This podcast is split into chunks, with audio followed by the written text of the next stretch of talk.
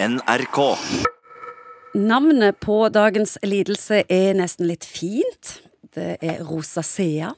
Men det er en fryktelig irriterende og plagsom hudsykdom. En folkesykdom, faktisk. For 5-10% av de voksne i kongeriket vårt de får rosacea.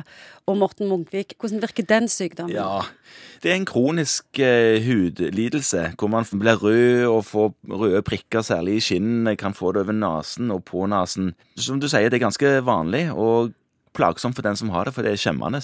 Ja, Kun i ansiktet. Kun i ansiktet og i pannen. Hvem får dette, alder og kjønn? Mest kvinner, menn får det òg. Og kvinner sånn i sin beste alder, holdt jeg på det, 30-50 år.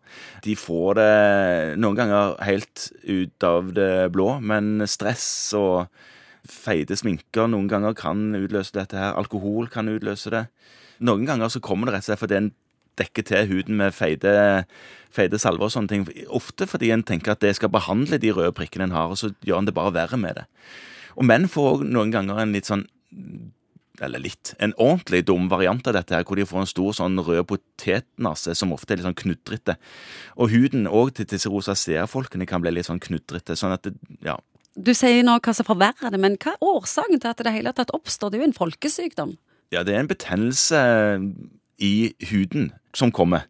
Og det er jo dessverre ikke alltid sånn at man kan eh, si hvorfor noen er utsatt for å få det her. Man er skapt sånn at det er en reaksjon man kan få i huden.